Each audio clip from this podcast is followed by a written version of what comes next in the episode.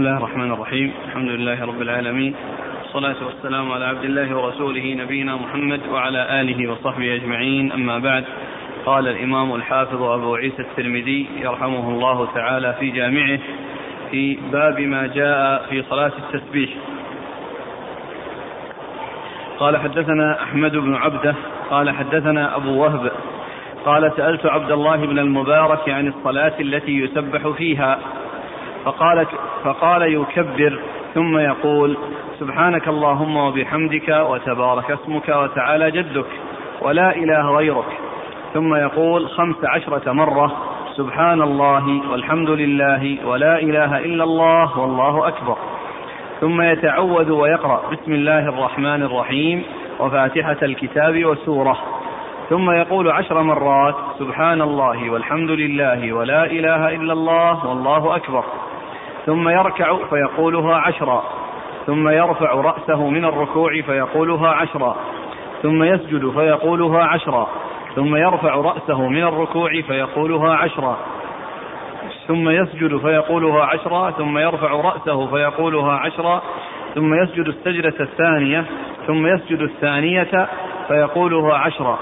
يصلي أربع ركعات على هذا. فذلك خمس وسبعون تسبيحة في كل ركعة. يبدأ في كل ركعة بخمس عشرة تسبيحة ثم يقرأ ثم يسبح عشرا فإن صلى ليلا فأحب إلي أن يسلم في الركعتين وإن صلى نهارا فإن شاء سلم وإن شاء لم يسلم. قال أبو وهب وأخبرني عبد العزيز بن أبي رزمة عن عبد الله أنه قال يبدأ في الركوع بسبحان ربي العظيم وفي السجود بسبحان ربي الأعلى ثلاثا ثم يسبح التسبيحات. قال أحمد بن عبدة وحدثنا وهب بن زمعة قال أخبرني عبد العزيز وهو ابن أبي رزمة قال قلت لعبد الله بن مبارك انتهى فيها يسبح في سجدتي السهو عشرا عشرا قال لا إنما هي ثلاثمائة تسبيحة نعم. قال حدثنا أبو كريب محمد بن العلاء قال حدثنا زيد بن حباب بن حباب العكلي قال حدثنا موسى بن عبيدة قال حدثني سعيد بن أبي سعيد مولى أبي بكر بن محمد بن عمرو بن حزم عن أبي رافع رضي الله عنه أنه قال قال رسول الله صلى الله عليه وسلم للعباس رضي الله عنه يا عمي ألا ألا أصلك ألا أحبوك ألا أنفعك؟ قال بلى يا رسول الله. قال يا عمي صل أربع ركعات تقرأ في كل ركعة بفاتحة الكتاب وسورة. فإذا انقضت القراءة فقل الله أكبر والحمد لله وسبحان الله ولا إله إلا الله خمس عشرة مرة قبل أن تركع. ثم اركع فقلها عشرا. ثم ارفع رأسك فقلها عشرا. ثم اسجد فقلها عشرا. ثم ارفع رأسك فقلها عشرا.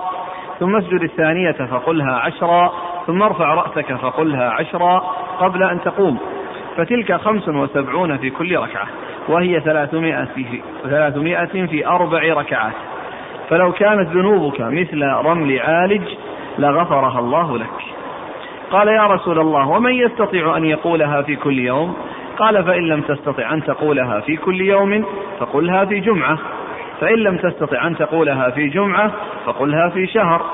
فلم يزل يقول فلم يزل يقول له حتى قال فقلها في سنة. قال أبو عيسى هذا حديث غريب من حديث أبي رافع. بسم الله الرحمن الرحيم. الحمد لله رب العالمين وصلى الله وسلم وبارك على عبده ورسوله نبينا محمد وعلى آله وأصحابه أجمعين أما بعد. فقد بدأنا في الدرس الماضي في باب صلاة التسبيح وذكر وذكرت أن صلاة التسبيح يؤتى فيها بخمس وسبعين من التسبيح والتحميد والتهليل والتكبير وأن تكون تلك الصلاة لصلاة التسبيح أربع ركعات وفي كل واحدة منها خمسة خمس وسبعون تسبيحة وتهليلة وتحميدة وتكبيرة فيكون مجموع ما يؤتى به في الأربع ركعات ثلاثمائة وصفتها آه، على على حالين. إحداهما أن آه، يكبر تكبيرة الإحرام ويأتي بدعاء الاستفتاح ثم يأتي بالتسميع بالتسبيح والتحميد والتهليل والتكبير خمس عشر مرة ثم يقرأ الفاتحة وسورة ثم يأتي قبل أن يركع بعشر من التسبيحات والتحميدات والتهليلات والتكبيرات ثم يأتي بالركوع مثل ذلك وفي الرفع من الركوع مثل ذلك وفي السجدة الأولى مثل ذلك وفي الجلسة بين السجدتين مثل ذلك وفي السجدة الثانية مثل ذلك فيكون المجموع خمسة خمسا وسبعين من التسبيحات والتهليلات والتحميدات والتكبيرات. والصفة الثانية أنه يأتي بخمس عشرة آه، تسبيحة وتهليله وتحميده وتكبيره بعد القراءة وقبل الركوع ثم يأتي بالركوع في كل من الركوع والرفع منه والسجود الأول والجلسة بين السجدين والسجود الثاني آه، آه، عشرا وقبل أن يقوم من الركعة الأولى يأتي بالعشر بعشر في جلسة الاستراحة فيكون المجموع خمسة خمسا وسبعين من التحميدات والتهليلات والتكبيرات. وقد ذكر المصنف هذا الأثر عن عن عبد الله بن مبارك رحمة الله عليه أنه رأى أنه يأتي بصلاة التسبيح وأن تكون على هذا الوصف الذي ذكره وأنه يأتي قبل هذه التسبيحات بالدعاء المأثور في الركوع والسجود وكذلك في آه، بعد الرفع من الركوع وبين السجدتين ثم يأتي بهذه المقادير التي التي ذكرها وسئل لو أنه سهى في هذه الصلاة لصلاة التسبيح هل يأتي بهذه التسبيحات والتحميدات والتهليلات والتكبيرات في كل من سجدتي السهو أو أنه لا يأتي بها؟ قال لا لا يأتي بها إنما هي 300 تسبيحه وتحميده وتهليله وتكبيره. وقد أورد بعد ذلك حديث أبي رافع المشتمل على صلاة التسبيح وهي على على الصفة الثانية التي يأتي بخمس عشرة تسبيحة وتحميدة وتهليلة وتكبيرة قبل الركوع ثم في كل من الركوع والرفع منه والسجود الأول والسجود الثاني وبين السجدتين وهي الاستراحة يأتي بكل منهما عشر فيكون المجموع خمسا وسبعين. وقد جاء أيضا من حديث ابن عباس أي صلاة التسبيح من حديث ابن عباس في أبي داود وغيره وفيها ان أنه يأتي بها آآ آآ إذا لم يأتي بها في سنه يأتي بها في العمر مرة واحدة. يأتي بها في العمر مرة واحدة وأن من فعل ذلك يكون غفر الله له ما تقدم من ذنبه غفر الله له ذنبه كله أوله وآخره كبيره وصغيره دقه وجله وهكذا صفات يعني آه، خمسا متقابلات كلها تغفر له. وبعض أهل العلم حسن هذا الحديث وصححه وبعضهم ضعفه ولم يأخذ به وقد جاء عن بعض العلم القولان المتقابلان التصحيح والتضعيف وممن جاء عنه ذلك الحافظ بن حجر فإنه ضعف الحديث في بعض كتبه في التلخيص وصحح أو حسنه في كتاب الخصال المكفرة وكذلك النووي جاء عنه التضعيف في كتاب المجموع والتحسين في كتاب آخر. وقد جاء عن شيخ الإسلام ابن تيمية وغيره أنها ضعيفة وأنه لا يحتج بها والترمذي رحمه الله قال لا يصح فيها كبير شيء فالأولى للإنسان ألا يشتغل بها ولا يعول عليها. نعم. قال حدثنا أحمد بن عبده. أحمد بن عبده هو الآملي. أحمد بن عبده الآملي وهو صدوق له أبو داود الترمذي. صدوق له أبو داود الترمذي. عن أبي وهب. عن أبي وهب وهو صدوق. وهو محمد محمد بن مزاحم. محمد بن مزاحم وهو صدوق. أخرجه الترمذي. أخرجه الترمذي. قال سألت عبد الله بن المبارك. عبد الله بن المبارك هو المروزي. ثقة أخرجه أصحاب كتب الستة. سألت عبد الله بن المبارك عن الصلاة التي يسبح فيها فقال يكبر ثم يقول سبحانك اللهم وبحمدك تبارك اسمك وتعالى جدك ولا إله غيرك. يعني يأتي بدعاء الاستفتاح. يكبر تكبيرة الإحرام ويأتي بعدها بدعاء الاستفتاح.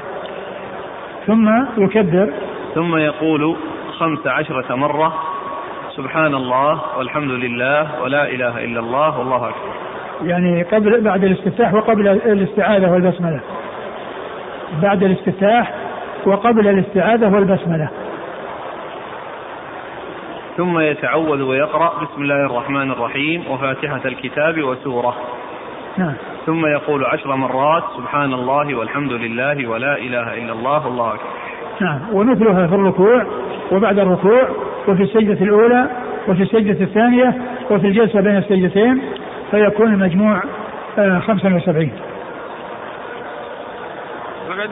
شلون يعد؟ ما في عد إلا بالأصبع. أقول ما في عد إلا بالأصبع. عشان ما اذا اخطا لازم بعيد ويرتبك نعم. إذا أخطأ أعاد وارتبك. هو هو المقصود أنه يأتي بهذا العدد. أنه يأتي بهذا العدد ويعد من الأول. يعد خمس عشرة في الأول ثم عشرا عشرا يعدها. طبعا باصابعه لا يمكن يعني يعرفها بدون عد. بدون عد في الأصابع. فتح علينا باب يجيبون المسبحه معاهم يعدهم يصلي ويعد. المسابح هذه ليس استعمالها من السنة. هذه السبحات التي يسبحون بها ليست من السنة هذه خلاف السنة. السنة الإنسان يسبح بأصابعه ويعد بأصابعه كما جاء في ذلك السنة عن رسول الله صلى الله عليه وسلم. قال يصلي أربع ركعات على هذا فذلك خمس وسبعون تسبيحة في كل ركعة يبدأ في كل ركعة بخمس عشرة تسبيحة يعني خمس وعشرون تسبيحة مع مع معها من التهليل والتحميد والتكبير. لأن كل واحدة يؤتى بها عشر مرات وخمس عشر مرة. هذه الأمور الأربعة. ولكن قيل التسبيحات لأنها هي هي التي يغلب عليها الاسم والإطلاق وإلا فالتكبيرات والتحميدات والتهليلات هي تابعة لها. لأن كل واحدة من التسبيحات تأتي 75 والتحميدات تأتي 75 والتهليلات تأتي 75 والتكبيرات 75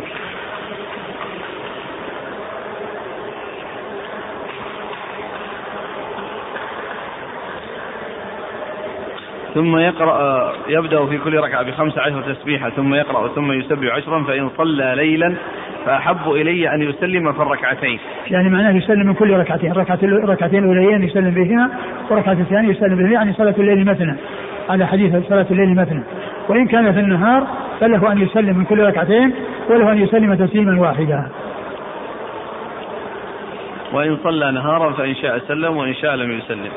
قال أبو وهب وأخبرني عبد العزيز بن أبي رزمة. أه عبد العزيز بن أبي رزمة هو؟ ثقة أخرج أبو داود الترمذي. ثقة أخرج أبو داود الترمذي.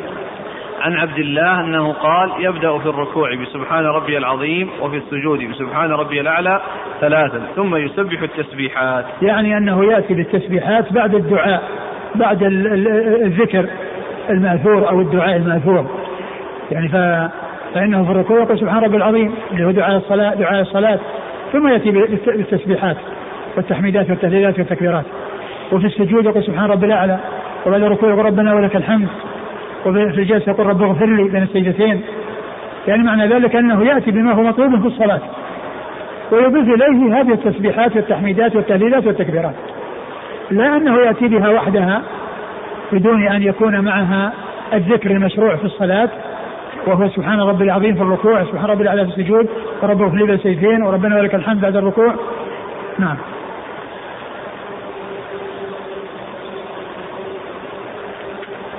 قال أحمد بن عبده وحدثنا وهب بن زمعة. وهب بن زمعة هو؟ ثقة أخرجه البخاري في القراءة ومسلم في المقدمة والترمذي والنسائي. ثقة أخرجه البخاري في القراءة ومسلم في المقدمة و الترمذي والنسائي. عن عبد العزيز بن أبي رزمة قال قلت لعبد الله المبارك ان سهى فيها يسبح في سجدة السهو عشرا عشرا قال لا إنما هو ثلاثمائة تسبيحة. ثم قال حدثنا أبو كريب محمد بن العلاء. أبو كريب هو محمد بن العلاء بن كريب أبو كريب ثقة أخرجه أصحاب كتب الستة. عن زيد بن حباب العكلي. زيد بن حباب العكلي صدوق أخرج له.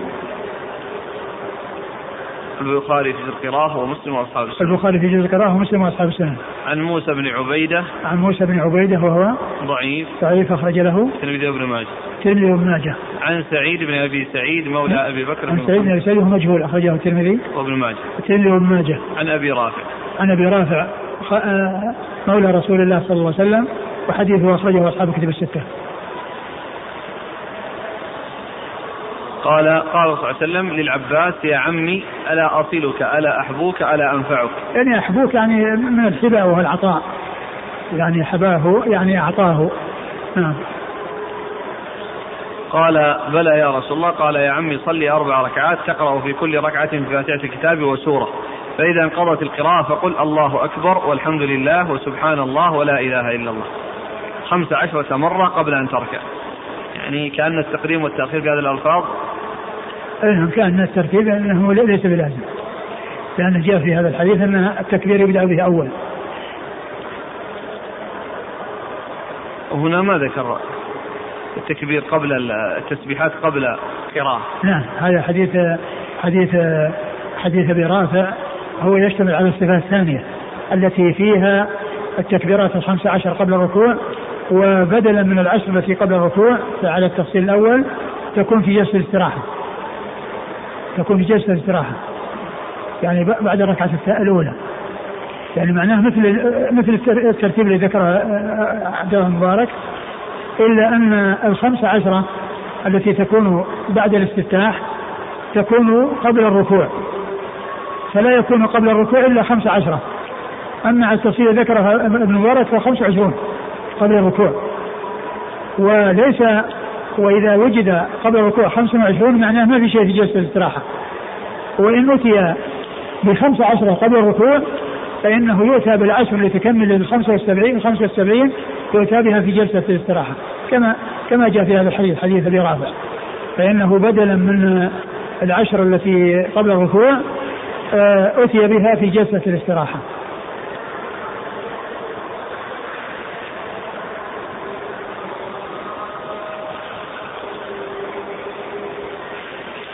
فإذا انقضت القراءة فقل الله أكبر والحمد لله وسبحان الله ولا إله إلا الله خمس عشرة مرة قبل أن تركع ثم اركع فقلها عشرا ثم ارفع رأسك فقلها عشرا ثم اسجد فقلها عشرا ثم ارفع رأسك فقلها عشرا ثم اسجد الثانية فقلها عشرا ثم ارفع رأسك فقلها عشرا قبل أن تقوم.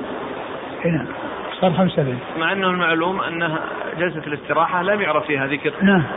ما يعرف فيها ذكر وجلسة قصيرة وأما هذا سكن طويلة هنا ستكون طويلة لأنه يقول سبحان الله سبحان الله والحمد لله ولا إله الله أكبر يعدها عشر مرات. فتكون طويلة.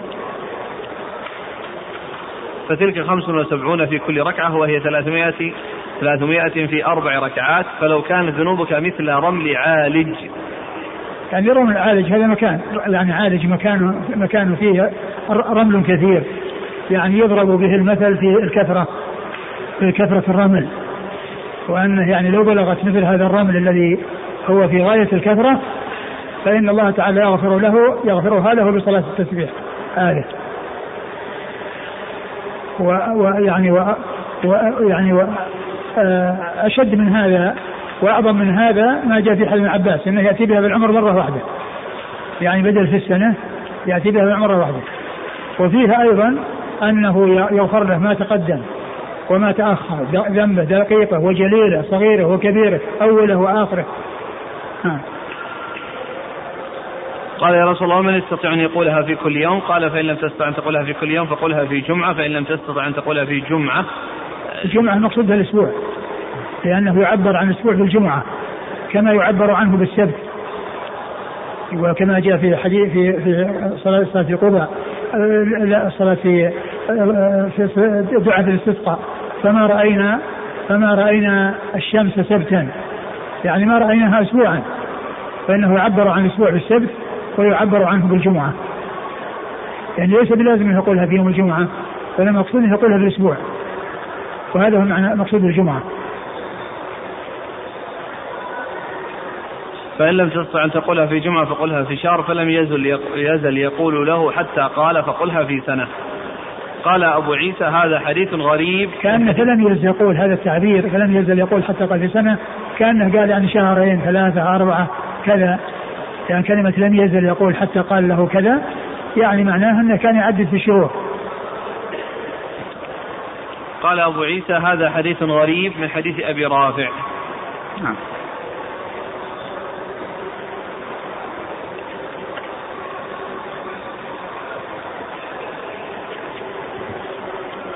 أحسن الله إليك يقول السائل هل تنصحون أن يصليها المسلم ولو مرة واحدة خروجا من الخلاف؟ لا. ما دام انه يعني أنها ما ثبتت ما دام أنها ما ثبتت فإنها لا تصلى ولا مرة واحدة. هي المرة واحدة هي في العمر. أقول في العمر ويحصل فيها هذا الذي وعد به في الحديث. وعدد من الأسئلة يقول إلى إذا قلنا بضعفها فإن العمل قضاء الأعمال في الضعيف لا حرج فيه. ليس بصحيح. ليس بصحيح. إذا كانت السنة لم تثبت إلا عن طريق حديث ضعيف فإن هذا يعول عليها. إذا كان العمل لا يثبت إلا بحديث ضعيف فإنه لا يعول عليه. لأن هذا معناه اعتبار أنه سنة وهذا لم تثبت عن رسول الله صلى الله عليه وسلم. لكن لو كان الحديث الضعيف له أصل يعني يعني جاء في أمر فيه حديث صحيحة مثل صلاة الجماعة.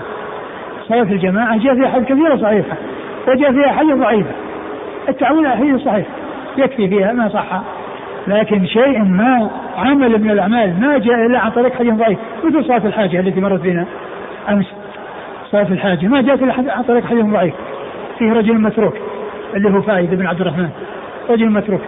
فلا الإنسان يأتي لا يأتي بهذه الصلاة يقول لأن لأنها من فضائل الأعمال وفيها رجل متروك لأن هذه السنة ما ثبتت هذه العمل ما ثبت عن رسول الله فكذلك يعني آه صلاة التسبيح يقال فيها لا يقال إن الحديث إن فضائل الأعمال يعول فيها على الحديث الضعيفه. نعم إذا كان الحديث الضعيف له أصل بأن يكون يعني جاء حديث صحيحه فيه ولكن جاء الحديث الضعيف زيادة عليها هذا ما في إشكال. والعمل ليس على الضعيف بالصحيح. ولكن كون العمل ما عرف إلا عن طريق غير صحيحة يعني معناه وجوده مثل عدم لم يثبت. يقول حفظك الله عندنا هذه الصلاة صلاة التسابيح يصليها الإمام في رمضان جماعة فهل أترك المسجد وأخرج أم أتابع مع الإمام؟ كيف صلى جماعة صلاة التسبيح؟ يصلونها كل عام في صلاة في رمضان. في رمضان؟ جماعة. آه. والله يعني أقول مثل هذا يعني عمل مخالف للسنة. أقول هذا عمل ليس على سنة بل هو يعني غير ثابت. الإنسان لا يصلي هذه الصلاة. ثم أيضا ما الدليل؟ ما, ما الذي دلهم على أنهم يصلونها جماعة؟ ما جاء في شيء يدل أنها جماعة ولا مما يشرع لها جماعة.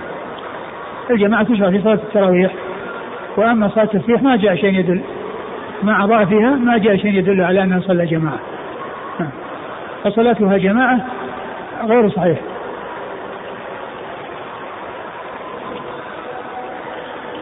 هذا يقول ضبط أعداد التسبيحات في هذه الصلاة يحتاج إلى حركة وتنبه إلى العدد في الصلاة. ألا يدل ذلك على ضعف ما ورد في هذه الصلاة؟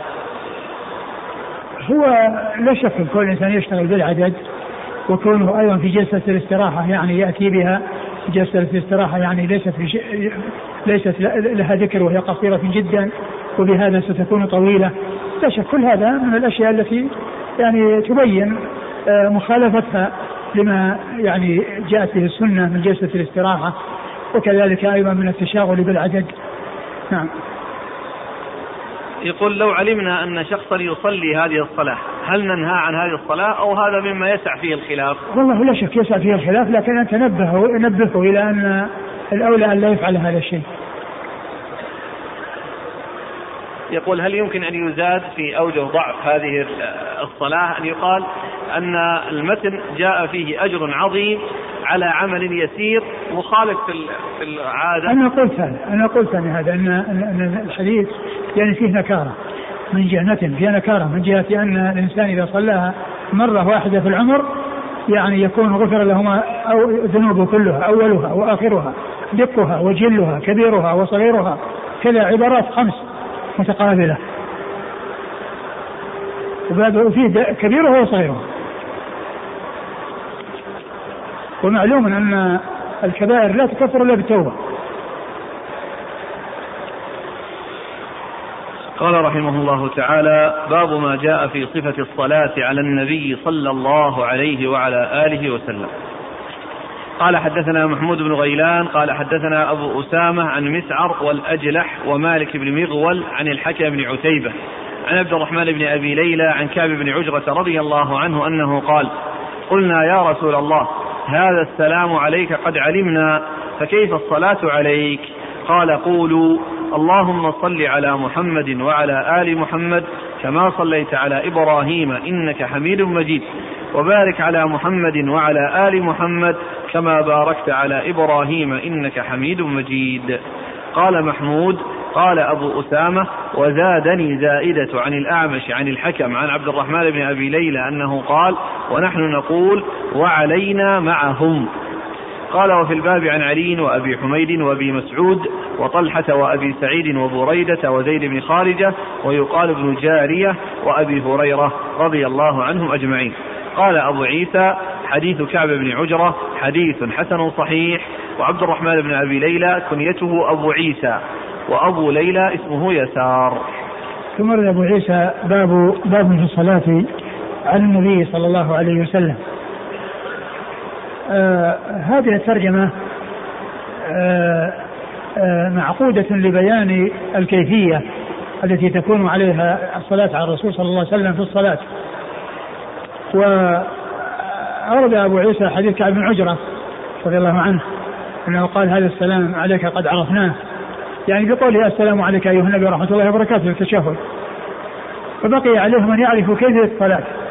فقال قولوا اللهم صل على محمد وعلى آل محمد كما صليت على إبراهيم وبارك على محمد وعلى آل محمد كما باركت على إبراهيم. إنك حميد مجيد. وهذا وهذه الصيغة هي من إحدى الصيغ هي احدى إحدى الصيغ التي جاءت في حديث كعب بن عجرة. ولكن جاء صيغة أكمل منها في صحيح البخاري والتي فيها الجمع بين الصلاة على النبي محمد صلى الله عليه وسلم وآله والصلاة على إبراهيم صلى الله عليه وسلم وآله. فيها ذكر محمد صلى الله عليه وسلم وآله وذكر إبراهيم صلى الله عليه وسلم وآله. وهذه الصيغة التي معنا فيها الصلاة على إبراهيم دون آله. فيها الصلاة على إبراهيم دون آله. لكن أكملها الصلاة التي التي الصلاة التي فيها الجمع بين الصلاة على النبي محمد صلى الله عليه وسلم وآله والصلاة على إبراهيم صلى الله عليه وسلم وآله. وهي في صحيح البخاري وقد رواها عبد الرحمن بن أبي ليلى عن كعب بن عجرة وفيها أن ان أن كعب أن عبد الرحمن بن أبي ليلى قال قال لقيني كعب بن عجرة. فقال ألا أهدي لك هدية سمعتها من رسول الله صلى الله عليه وسلم؟ قلت بلى فاهدها إلي. قال خرج علينا رسول الله صلى الله عليه وسلم فقلنا يا رسول الله قد علمنا كيف نسلم عليك فكيف نصلي كيف نصلي عليك؟ قال قولوا اللهم صل على محمد وعلى آل محمد كما صليت على إبراهيم وعلى آل إبراهيم. إنك حميد مجيد، اللهم بارك على محمد وعلى آل محمد كما باركت على إبراهيم وعلى آل إبراهيم. إنك حميد مجيد.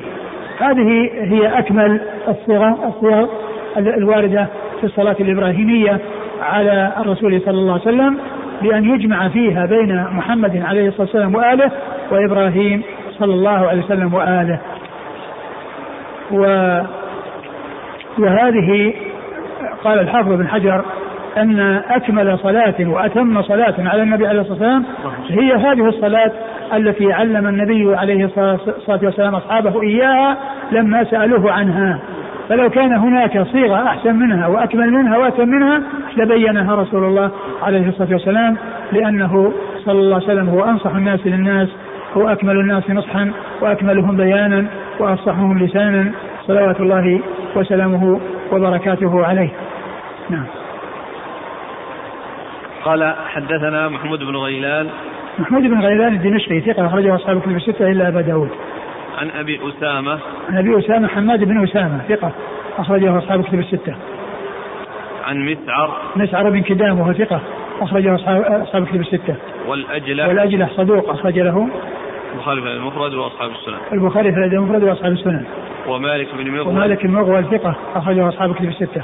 عن الحكم بن عتيبة. الحكم بن عتيبة الكندي ثقة أخرجه أصحاب كتب الستة. عن عبد عن عبد الرحمن بن أبي ليلى ثقة أخرج له أصحاب كتب الستة. عن كعب عن كعب بن عزرة رضي الله عنه أخرج حديثه أصحاب كتب الستة.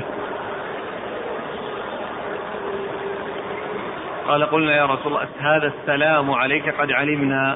هذا السلام عليك هذا سؤالهم هي سؤالهم عن كيفية الصلاة عليه. قالوا هذا السلام عليك قد علمناه في قولها السلام عليك أيها النبي ورحمة الله وبركاته التشهد. التحيات لله والصلوات والطيبات. السلام عليك أيها النبي ورحمة الله وبركاته. هذا السلام على النبي صلى الله عليه وسلم. قد عرفناه فكيف نصلي؟ قال قولوا اللهم صل على محمد. إذا هم سؤالهم عن الصلاة في الصلاة. في الصلاة نعم. وليس على العموم. لا إذا كان سألوه في الصلاة وأجابهم على ذلك فإنه أيضا يؤتى بها في خارج الصلاة لكن يضاف إليه التسليم. إذا أتي بها خارج الصلاة فإنه يضاف إليه التسليم حتى يكون الإنسان جمع بين الصلاة والتسليم. وأما بالنسبة للتشهد فإن فإن التشهد فإن التسليم موجود في التشهد والصلاة موجودة في الصلاة الخالية من التسليم لأنه جمع بين التسليم والصلاة. وأما إذا صلى خارج الصلاة فإنه يضيف التسليم لقوله صلى الله عليه وسلم لقول الله عز وجل يا أيها الذين آمنوا صلوا عليه وسلموا تسليما فيجمع بين الصلاة والسلام عليه. وكذلك أيضا إذا صلى بالصيغة المختصرة عند ذكره عليه الصلاة والسلام فإنه يجمع بين الصلاة والسلام عليه فلا وكذلك عند الكتابة فإن علماء الحديث يوصون كاتب الحديث عندما يمر بذكر النبي صلى الله عليه وسلم أن يكتب صلى الله عليه وسلم أو عليه الصلاة والسلام. ويحذرون من أن يكتبها منقوصة لفظا أو منقوصة معنى. والمنقوصة اللفظ أن يرمز لها بحرف صاد أو بصلعة والمنقوصة المعنى أن يأتي بالصلاة دون السلام فيقول صلى الله عليه ولا يقول وسلم أو يأتي بالسلام دون الصلاة فيقول عليه السلام ولا يقول عليه الصلاة والسلام. بل عليه أن يجمع بين الصلاة والسلام عليه صلى الله عليه وسلم ويقول صلى الله عليه وسلم أو عليه الصلاة والسلام. وإذا أتى بالصلاة على النبي صلى الله عليه وسلم في خارج الصلاة التي ليس معها تسليم فإنه يضيف إليه التسليم ليجمع بينهما امتثال لقول الله عز وجل يا أيها الذين آمنوا صلوا عليه وسلموا تسليما. هذا السلام عليك قد علمنا فكيف الصلاة عليك؟ قال قول اللهم صل على محمد وعلى آل محمد كما صليت على إبراهيم إنك حميد مجيد. وبارك على محمد وعلى آل محمد كما باركت على إبراهيم إنك حميد مجيد. قال محمود قال أبو أسامة وزادني زائدة عن الأعمش. زائدة هو ابن قدامة ثقة أخرجه أصحاب كتب الستة والأعمش سليمان مهران الكاهلي الكوفي ثقة أخرجه أصحاب كتب الستة. عن الحكم عن عبد الرحمن بن أبي ليلى قال ونحن نقول وعلينا معهم. يعني كونه يعني يعني عندما يقول الله آه اللهم صل على محمد وعلى قال وعلينا معهم. وعلينا معهم هذه إضافة. لا يصلح أن تضاف. يعني مع الصيغة التي علم النبي صلى الله عليه وسلم أصحابه إياها. وإنما يؤتى بالصيغة فقط. فيؤتى بالسلام مع التشهد ويؤتى بالصلاة مستقلة ولا يضاف إليها وعلينا معهم. لأنه فيما يتعلق بالصلاة جاء السلام علينا وعلى عباد الله الصالحين. السلام علينا وعلى عباد الله الصالحين. إذا كانت الصلاة. نعم.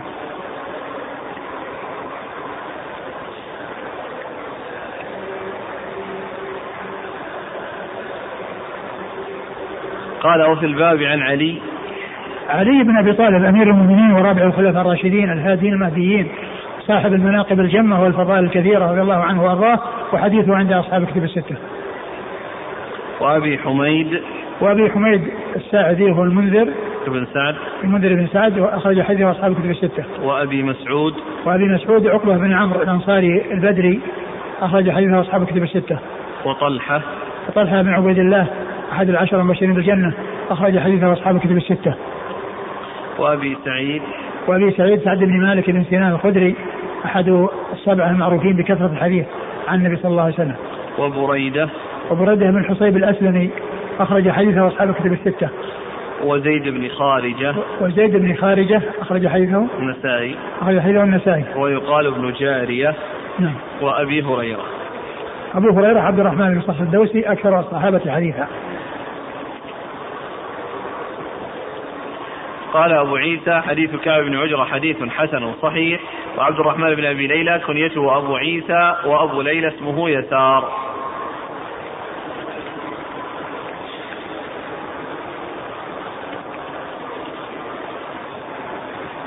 وهنا يقول السائل ورد في ألفاظ أخرى في العالمين إنك حميد مجيد.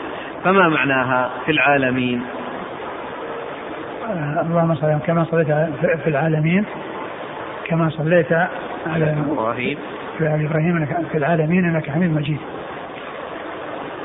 ما أدري يعني إيش معناه. اللهم إلا أن يكون يعني معناه أنه يعني آه، صلى عليهم في العالمين يعني أن انه خصهم بهذه الصلاة ويعني ذكرهم بهذه الصلاة وميزهم على العالمين. نعم. وهي صحيحة في صحيح مسلم. والأخ يقول هل الصلاة عليه صلى الله عليه وسلم توقيفية؟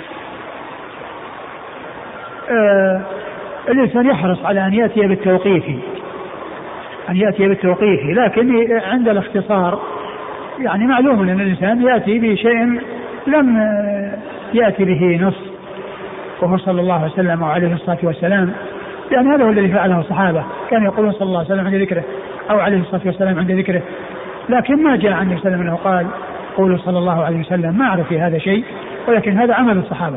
لأن نجد الأحاديث عندما تنتهي إلى الصحابي يقول قال رسول الله صلى الله عليه وسلم كذا سمعت رسول الله صلى الله عليه وسلم يقول كذا أمر رسول الله صلى الله عليه وسلم بكذا نهى رسول الله صلى الله عليه وسلم كذا خرج رسول الله صلى الله عليه وسلم إلى كذا هكذا يعبرون فيأتون عند ذكره وهذا من عمل الصحابة. وهذا من عمل الصحابة ولا أعلم نصا فيه عن رسول الله صلى الله عليه وسلم. والإنسان يصلي على النبي صلى الله عليه وسلم لكن لا يأتي بشيء يعني مبتدع أو شيء محدث ولكن كونه آه، آه، يأتي بالصيغ الواردة عن النبي عليه الصلاة والسلام وعن الصحابة الكرام لا شك أن هذا هو الذي فيه السلامة لأن الإنسان إذا خرج عن هذا الخط وعن هذا المنوال يحصل له العثار ويحصل له الخروج عن الجادة مثل ما هو موجود مشاهد في كتاب دلائل الخيرات. فإنه مشتمل على صيغ كثيرة فيها أمر فيها أمور محدثة ما يجوز الإتيان بها وهي منكرة ولا يصح استعمالها ولا يجوز استعمالها لأنها جاءت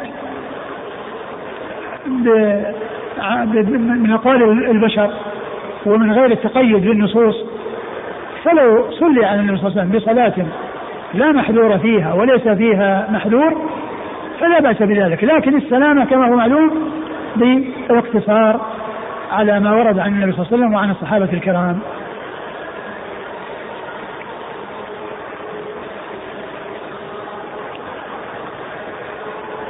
هنا الشيخ أحمد شاكر لما قال علق وعلينا معهم قال وهذه زيادة من باب الدعاء ولكننا نراها غير جائزة نراها غير جائزة في صيغة الصلاة المروية لأنها صيغة جاءت بالنص على سبيل التعبد. فلا يزاد عليها. ها؟ يعني فلا يزاد عليها. فلا يجوز زيادة فيها وليدعو المصلي لنفسه لنفسه بعد أدائها بما يشاء. أما أن يزيد فلا. وقد أنكر القاضي أبو بكر بن العربي في العارضة هذه الزيادة من وجه آخر فقال إنا لا نرى أن نشرك في هذه الخصيصة أحدا منا مع محمد صلى الله عليه وسلم. بل نقف بالخبر حيث وقف ونقول منه ما عرف ونرتبط بما اتفق عليه دون ما اختلف. بما اتفق عليه دون ما اختلف. وقال أيضا مسألة حذاري حذاري من أن يلتفت أحد إلى ما ذكره ابن أبي زيد. ما في من ابن أبي زيد هذا هل هو ابن أبي زيد الكرواني وهل له كلام في هذا أو ماذا لا أدري. هم كلهم مالكية؟ نعم كلهم مالكية. لكن ما ذكره ابن أبي زيد فيزيد في الصلاة على النبي عليه الصلاة والسلام وارحم محمدا. فإنها قريبة من بدعة. لأن النبي صلى لأن النبي عليه الصلاة والسلام آه، علم الصلاة بالوحي فالزيادة فيها استقصار له واستدراك عليه. ولا يجوز أن يزاد على النبي عليه الصلاة والسلام حرف بل إنه يجوز أن يترحم على النبي صلى الله عليه وسلم في كل وقت. نعم بس لا يتابعها مع الصيغة هذه. اللهم صل على محمد وارحم محمدا. يعني لا يتابعها مع هذه الصيغة. كما أنه لا يأتي بقوله وعلينا معهم وإنما يأتي بالدعاء له مستقلا عن الصلاة. فيأتي بالصلاة كما هي وبصيغتها دون أن يضيف إليها شيئا. الأخ الآن يسأل بناء على هذا يقول ما حكم من يقول عند ذكر النبي صلى الله عليه وسلم رحمه الله؟ قال رسول الله رحمه الله. والله هذا غير معروف عن السلف. السلف معروف عنهم أنه يصلى على الأنبياء ويترضى عن الصحابة ويترحم على من بعدهم. وإن كان يجوز الترضي على على على غير الصحابة ويجوز الترحم على الصحابة ويجوز الترحم على الأنبياء لكن هذه صيغ آه، استعملها السلف فأضافوا إلى النبي عليه الصلاة والسلام الصلاة والسلام وأضافوا إلى الصحابة الترضي وأضافوا إلى غيرهم الترحم. وإن كان يجوز أن يترحم على من يترضى عنه ويترضى على من يترحم عليه إلا أن هذا صار مسلك ويعني طريقة سلكوها فيعني آه، يؤخذ بها. وإذا ترضي عن أحد غير الصحابة أحيانا أو ترحم على بعض الصحابة أحيانا لا بأس.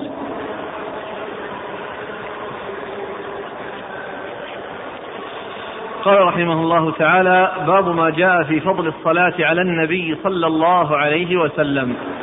قال حدثنا محمد بن بشار بندار قال حدثنا محمد بن خالد بن عسمة قال حدثني موسى بن يعقوب الزمعي. قال حدثني عبد الله بن كيسان أن عبد الله بن شداد أخبره عن عبد الله بن مسعود رضي الله عنه أن رسول الله صلى الله عليه وسلم قال أولى الناس بي يوم القيامة أكثرهم علي صلاة. قال أبو عيسى هذا حديث حسن غريب. وروي عن النبي صلى الله عليه وسلم أنه قال من صلى علي صلاة صلى الله عليه بها عشرا وكتب له بها عشر حسنات. نعم. قال حدثنا علي بن حجر قال أخبرنا إسماعيل بن جعفر عن العلاء بن عبد الرحمن عن أبيه عن أبي هريرة رضي الله عنه أنه قال قال رسول الله صلى الله عليه وسلم من صلى علي صلاة صلى الله عليه بها عشرا. قال وفي الباب عن عبد الرحمن بن عوف وعامر بن ربيعة وعمار وأبي طلحة وأنس وأبي بن كعب رضي الله عنه أجمعين. قال أبو عيسى حديث أبي هريرة حديث حسن صحيح وروي عن سفيان الثوري وغير واحد من أهل العلم قالوا صلاة الرب الرحمة وصلاة الملائكة الاستغفار. ثم روي أبو عيسى باب فضل الصلاة على النبي عليه الصلاة والسلام. الترجمة السابقة لبيان الكيفية وهذه الترجمة لبيان الفضل. وأصح ما ورد في فضل الصلاة على النبي صلى الله عليه وسلم حديث أبي هريرة في صحيح مسلم ما صلى عليه واحدة صلى الله عليه بها عشرة هذا هو أصح ما ورد. وقد ذكر الحافظ بن حجر في فتح الباري عند شرح حديث الصلاة على النبي صلى الله عليه وسلم في كتاب الدعوات جملة من الأحاديث الصحيحة أو الجيدة أو الحسان وذكر أن ما سواها أنه إما ضعيف وإما موضوع.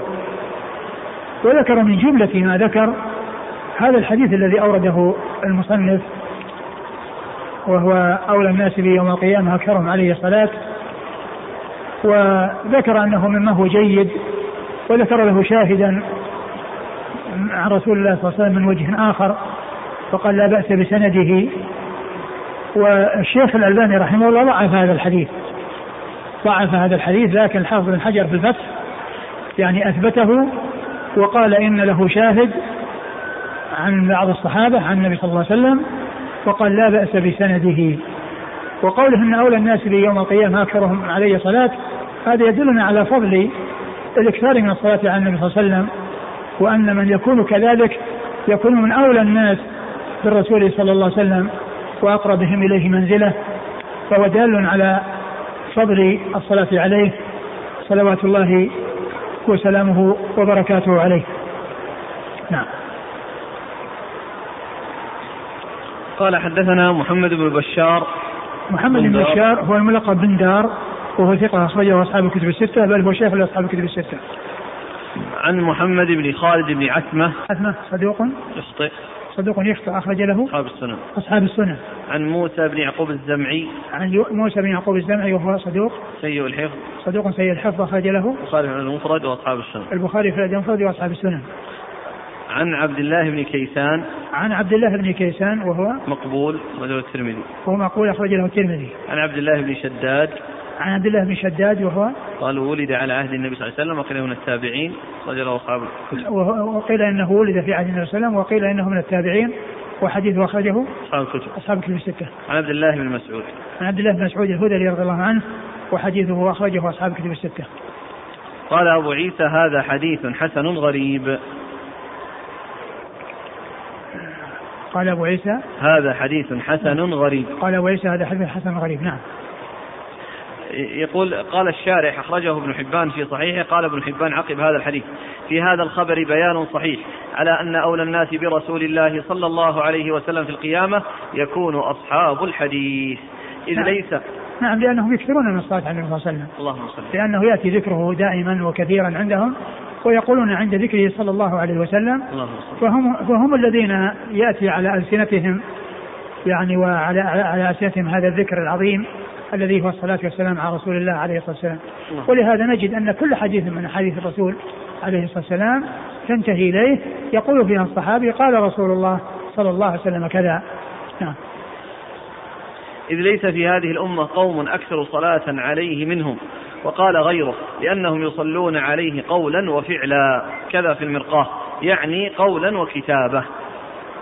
نعم. يعني عندما يكتبون الحديث يكتبون الصلاة عليه الصلاة وعندما يذكرونه بدون آه، عند القراءة يصلون عليه صلى الله عليه وسلم. فهم يثبتون أو يأتون بذلك قولا آه، باللسان وكتابة بالبنان.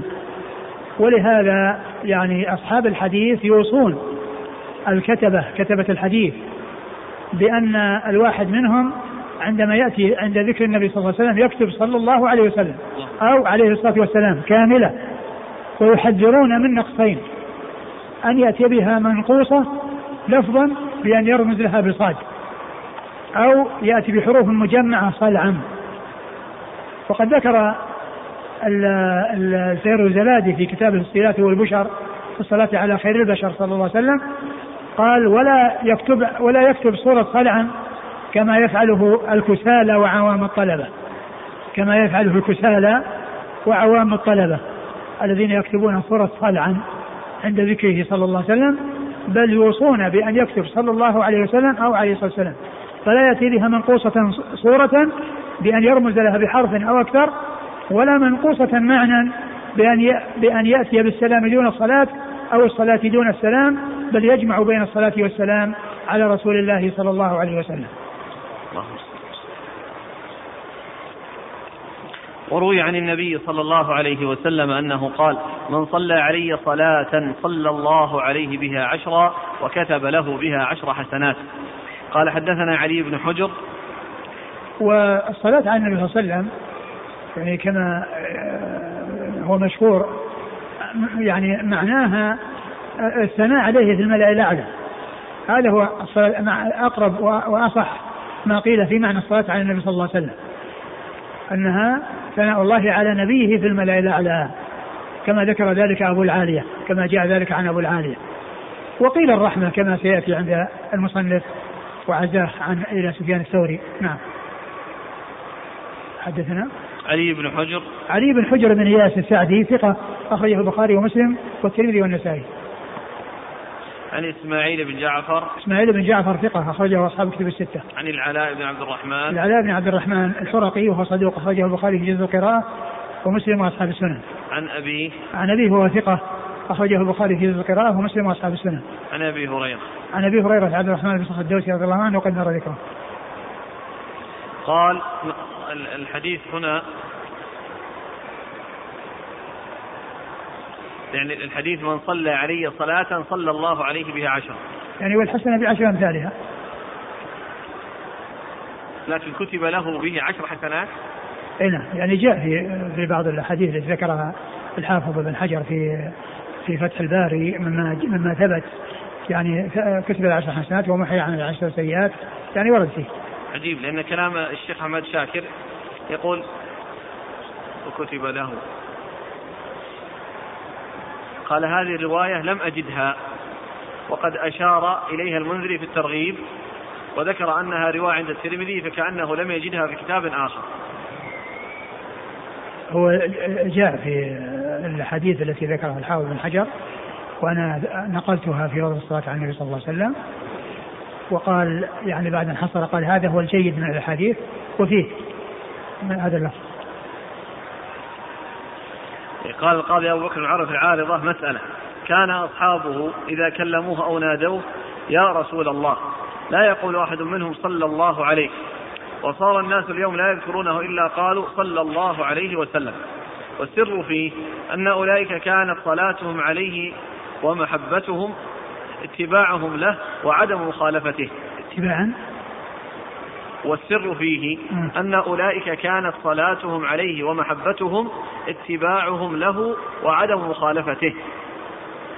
ولما لم يتبعه اليوم أحد من الناس وخالفه جميعهم في الأقوال والأفعال خدعهم الشيطان بأن يصلوا عليه في كل ذكر وأن يكتبوه في كل كتاب ورسالة. ولو أنهم يتبعونه ويقتدون به ولا يصلون عليه في ذكر ولا في رسالة إلا حال الصلاة لكانوا على سيرة السلف. ولا يذكرونه إلا إيش؟ إلا ولو أنهم يتبعونه ويقتدون به ولا يصلون عليه في ذكر ولا في رسالة إلا حال الصلاة لكانوا على سيرة السلف. يعني يقصد بذلك مثل الصوفية الذين يعني يكون لهم أذكار خاصة بالصلاة عليه وسلم وعلى هيئة معينة. ويعني آه، يفرطون في اتباعه يعني في أمور أخرى ومع ذلك يأتون بمثل هذه الأشياء بهذه الأذكار على هيئة معينة مثل ما هو موجود في دلائل الخيرات. يذكرون يأتون بذكر دلائل الخيرات ويعني يتعبدون الله تعالى به ويأتون به يعني صباحا ومساء يعني بهذه الصيغ المبتدعة التي يعني ما جاءت عن الرسول صلى الله عليه وسلم. ثم قال مسألة الذي أعتقده والله أعلم أن قوله من صلى علي صلاة صلى الله عليه عشرا ليست لمن قال كان رسول الله صلى الله عليه وسلم وإنما هي لمن صلى عليه كما علم بما نصصناه عنه. يعني اللهم صل على محمد. اللهم صل على محمد. لكن كما هو معلوم يعني جاء البخيل من ذكرت عنده ولم يصلي علي. البخيل من ذكرت عنده ولم يصلي عليه. وهذا من الأحاديث التي أوردها الحافظ بن حجر وقال إنها من الجيد أو الصحيح أو الحسن. البخيل عنده من ذكرت عنده ولم يصلي عليه. ومعلوم أن الصلاة أن ذكره صلى الله عليه وسلم أو الصلاة عليه عند ذكره ما تكون بالصلاه الإبراهيمية. لأن الإنسان لو كان كل ما مر ذكر رسولك اللهم صل على محمد ثم حتى ينتهي إلى أنك حميد مجيد آآ آآ ثم يرجع إلى إلى الكلام يعني يطول الكلام والذي يسمع يعني يخرج ذهنه عن الكلام اتصال الكلام. وإنما كما كان السلف يفعلون يقولون صلى الله عليه وسلم. الصحابة رضي الله عنهم. عندما يذكر النبي صلى الله عليه وسلم يقول صلى الله عليه وسلم. ما ما يقول واحد منهم؟ قال رسول الله رسول الله اللهم صل على محمد وعلى محمد كما صليت على إبراهيم وعلى آل إبراهيم إنك مجيد. اللهم بارك على محمد وعلى آل محمد كما كان على إبراهيم. ثم يقول قول الرسول صلى الله عليه وسلم. يطول الفصل. فكانوا يكتفون بأن يقولوا صلى الله عليه وسلم ولا شك أن قول الرسول البخيل من ذكرت عنده فلم يصلي علي أنه يكفي أن يقول اللهم صل وسلم على رسول الله أو صلى الله عليه وسلم أو عليه الصلاة والسلام لا يأتي عند القارئ عند كل ما يقرأ يأتي لأن الصحابة ما فعلوا هذا نجد أن الأحاديث فيها قال رسول الله صلى الله عليه وسلم كذا ما فيها قال رسول الله اللهم صل على محمد وعلى آل محمد كما صليت على إبراهيم إلى آخره. فإذا قوله أن هذا لا يكون إلا بهذه الطريقة هذا ليس بواضح. بل الإنسان إذا ذكر عنده النبي صلى الله عليه وسلم وصلى, وصلى عليه هذه الصيغة المختصرة الله تعالى يصلي عليه بها عشر.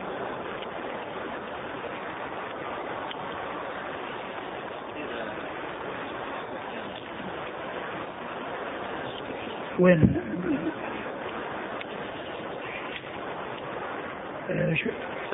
أيوه. قال وفي الباب عن عبد الرحمن بن عوف عبد الرحمن بن عوف أخرج حديثه أصحاب كتب الستة. وعامر بن ربيعة وعامر بن ربيعة أخرج له أصحاب الكتب أصحاب كتب الستة. وعمار وعمار بن ياسر أخرجه أصحاب كتب الستة. وأبي طلحة وأبي طلحة آه، وهو زيد بن سهل نعم أخرج حديث أصحاب كتب الستة. وأنس وأنس بن مالك خادم النبي عليه الصلاة والسلام وأحد السبعة المكثرين من رواية الحديث عنه. وأبي بن كعب وأبي بن كعب أخرج حديث أصحاب كتب الستة. قال أبو عيسى حديث أبي هريرة حديث حسن صحيح وروي عن سفيان الثوري وغير واحد من أهل العلم قالوا صلاة الرب الرحمة وصلاة الملائكة الاستغفار. قال سفيان؟ قال وروي عن سفيان الثوري وغير واحد من أهل العلم. قالوا صلاة الرب الرحمة وصلاة آه الملائكة. نعم يعني هذا القول يعني آه أولى منه وأوضح منه قول أبي العالية. المقصود الثناء على الرسول صلى الله عليه وسلم. ويدل على أن الصلاة غير رحمة. كون الرحمة تعطف على الصلاة. تعطف على الصلاة. وأن الصلاة غير الرحمة. ولهذا يصلى على النبي صلى الله عليه وسلم ويترحم على النبي صلى الله عليه وسلم. ويعني وهذا غير هذا. يصلى ويسلم ويدعى له بالبركة والرحمة. وهي يعني كل واحد مستقل بالمعنى. ولهذا أصح ما قيل وأحسن ما قيل تفسير أبي العالية وهو أن صلاته على أن الصلاة على النبي صلى الله عليه وسلم ثناؤه على عبده في الملأ الأعلى. ثم أيضا الصلاة تعطف على الرحمة فيدل على أنها غيرها. وصلاة الملائكة الاستغفار. وصلاة الملائكة الاستغفار الدعاء. يعني الدعاء. وكذلك صلاة الناس هي الدعاء. وصلاة الناس على النبي صلى الله عليه وسلم هي الدعاء له بأن يصلي ويسلم ويبارك عليه.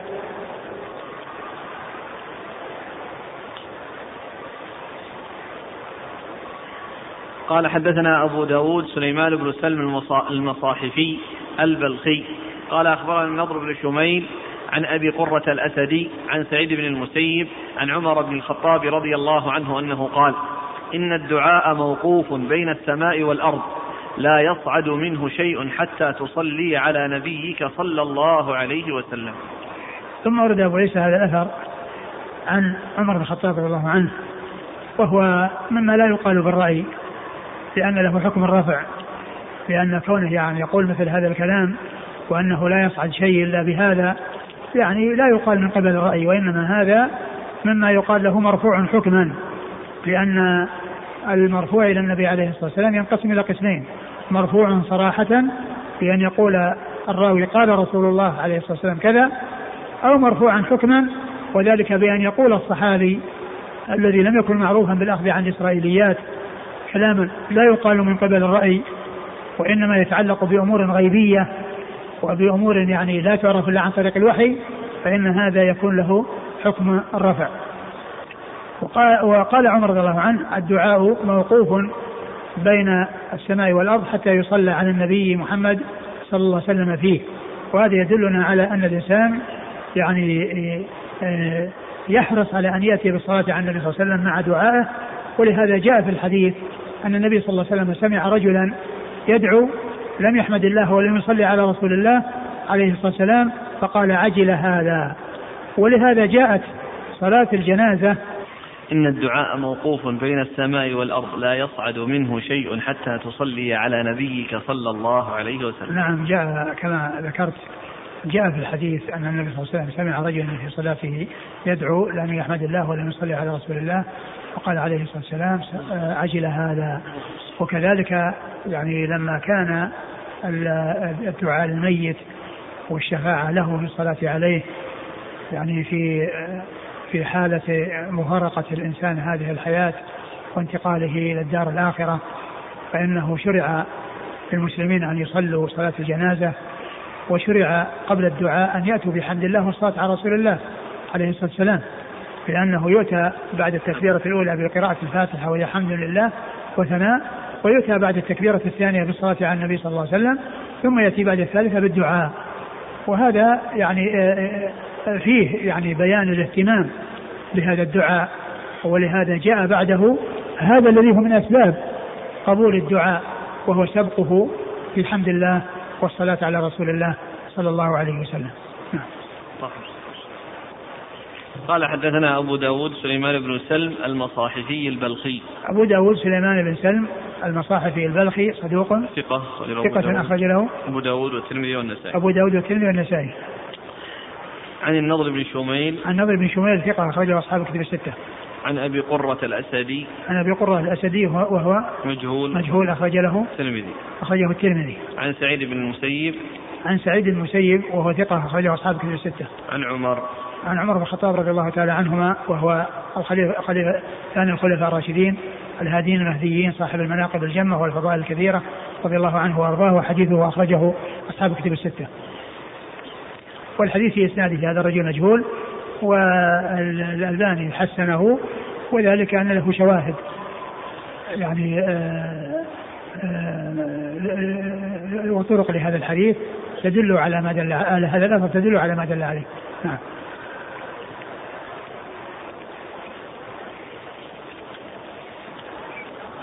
قال حدثنا عباس العنبري قال حدثنا عبد الرحمن بن مهدي عن مالك بن أنس عن العلاء بن عبد الرحمن بن يعقوب عن أبيه عن جده قال قال عمر بن الخطاب رضي الله عنه لا يبع في سوقنا إلا من قد تفقه في الدين. قال أبو عيسى هذا حديث حسن غريب.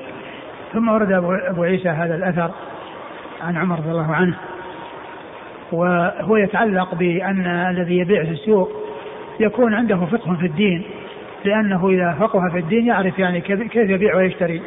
يعني على الوجه المشروع. والإنسان الجاهل قد يبيع بيعا محرما أو يشتري شراء يعني على غير الوجه المشروع.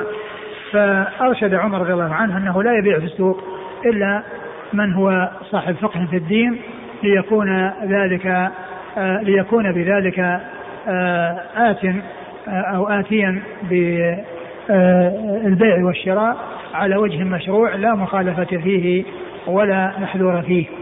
وقد أورد أبو عيسى رحمه الله هذا الأثر بعد الأثر المتقدم لبيان أن آه، أن يعقوب ابن عبد يعقوب يعقوب الحرقي. يعقوب الحرقي أنه سمع من عمر أنه سمع من عمر وأن يعني الأثر الذي مضى أنه متصل الأثر الذي مضى أنه متصل. فأتى بهذا الأثر الذي لا علاقة له في الباب من أجل الإشارة إلى آه، سماع أو رواية يعقوب جد العلاء بن عبد الرحمن من عمر رضي الله تعالى عنه. أحسن الله إليك. اللي فيه قبل الأول اللي قبله مباشرة عن سعيد المسيب عن عمر. واللي قبله عن العلاء بن عبد الرحمن عن أبيه عن أبي هريرة. عن أبي هريرة؟ إيه. ما في ذكر لا ما في ذكر عمر. ها؟ لا. ما في ذكر يعقوب؟ لا أبدا. عن العلاء بن عبد الرحمن عن أبيه عن أبي هريرة قال رسول الله صلى الله عليه وسلم من صلى علي صلاة صلى الله عليه بها عشرا. لا وش التعليق؟ شوف إيش قال عليه الحاشية. وين؟ في الحاشية عند عند عند الشارح أو عند هذا هو قال هالكلام. قال يقول الشيخ مشاكر حديث عمر هذا مؤخر في نسخة نون وهاء وكاف بعد كلام الترمذي الآتي عن العلاء بن عبد الرحمن وأبيه وجده. وجد هذا يعني بعد. سيأتي. إيه؟ صحيح لأنه مقدم. مقدما. يقول وهو أجود في الترتيب لأن نعم. الترمذي رواه هنا استدلالا على ما قاله من أن يعقوب جد العلاء أدرك عمر وروى عنه. ولكن اخترنا الترتيب الذي في ميم وباء وهذا الحديث. اخترنا بس. ثم جاء موضوع ثاني قالوا هذا لم أجده في الموطأ.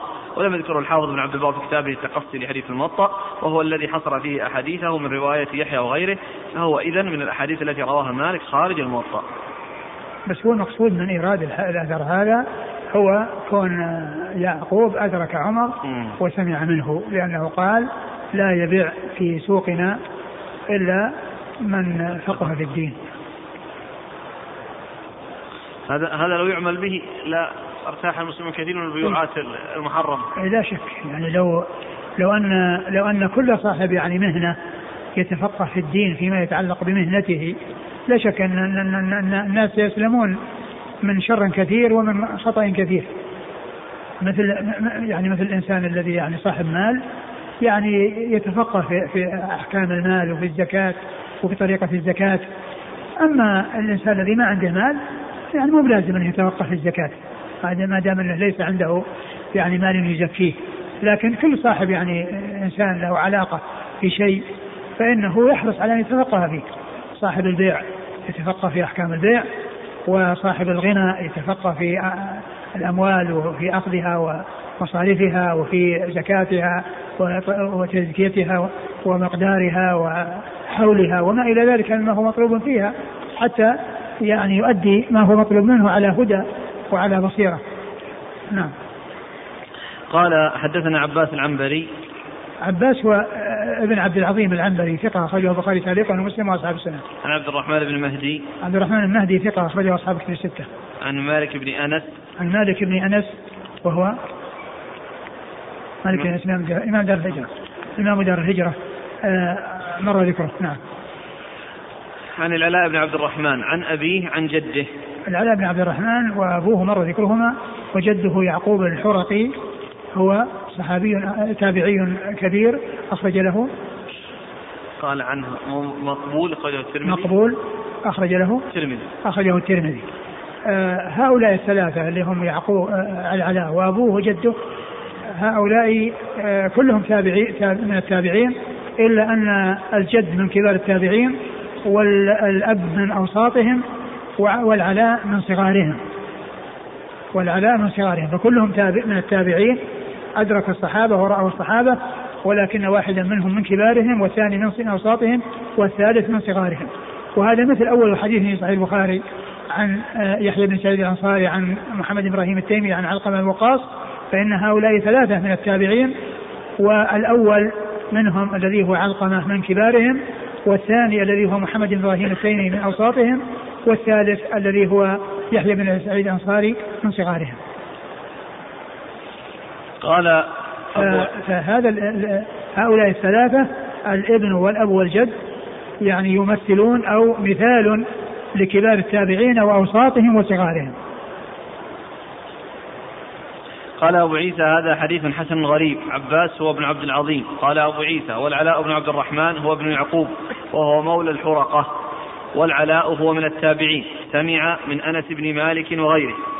وعبد الرحمن بن يعقوب. والد العلاء هو أيضا من التابعين. سمع من أبي هريرة وأبي سعيد الخدري وابن عمر ويعقوب. جد العلاء هو من كبار التابعين أيضا. قد أدرك عمر بن الخطاب وروى عنه. نعم ولهذا فإن كبار التابعين هم الذين أدركوا كبار الصحابة مثل عمر رضي الله عنه. وأوساط التابعين هم الذين أدركوا أوساط الصحابة. يعني اللي هم يعني متوسط الصحابة يعني اللي هم يعني عاشوا يعني مثل عبد الله بن عمر مثل ابن عباس ومثل ابن الزبير. وأما صغار التابعين هم الذين أدركوا صغار الصحابة مثل أنس مثل أنس رضي الله عنه. فان فانه من صغار الصحابة وقد أدركه صغار التابعين. نعم. مر معنا إلا أنس بن مالك قال لا مر معنا. عن أبي هريرة وأبي سعيد الخدري وابن عمر. يعني في الباب؟ لا وعبد الرحمن بن يعقوب وادي العلاء من التابعين سمع من أبي هريرة وأبي سعيد الخدري وابن عمر. من هو؟ هذا يعقوب عبد الرحمن بن يعقوب. إيه بس سمع من عمر. لا يعقوب. يعقوب؟ يعقوب الجد. إيه سمع من عمر. أي وعبد الرحمن ابنه. ابنه سمع من من هؤلاء من أبي هريرة إيه نعم. وأبي سعيد الخدري وابن إيه عمر اي نعم. لأن هؤلاء يعني ما عاشوا مثل ما عاش آه، أنس. وما يعني آه، صاروا من الكبار الذين يعني ما أدركهم من كان متأخرا. فأدرك آه، أوساط التابعين مثل عبد الله بن عمر وأبو هريرة وعائشة. نعم. سهل باب جزاكم الله خيرا. الله وسلم وبارك على نبينا محمد وعلى آله واصحابه أجمعين. جزاكم الله خيرا وبارك الله فيكم ونفعنا الله ما قلت.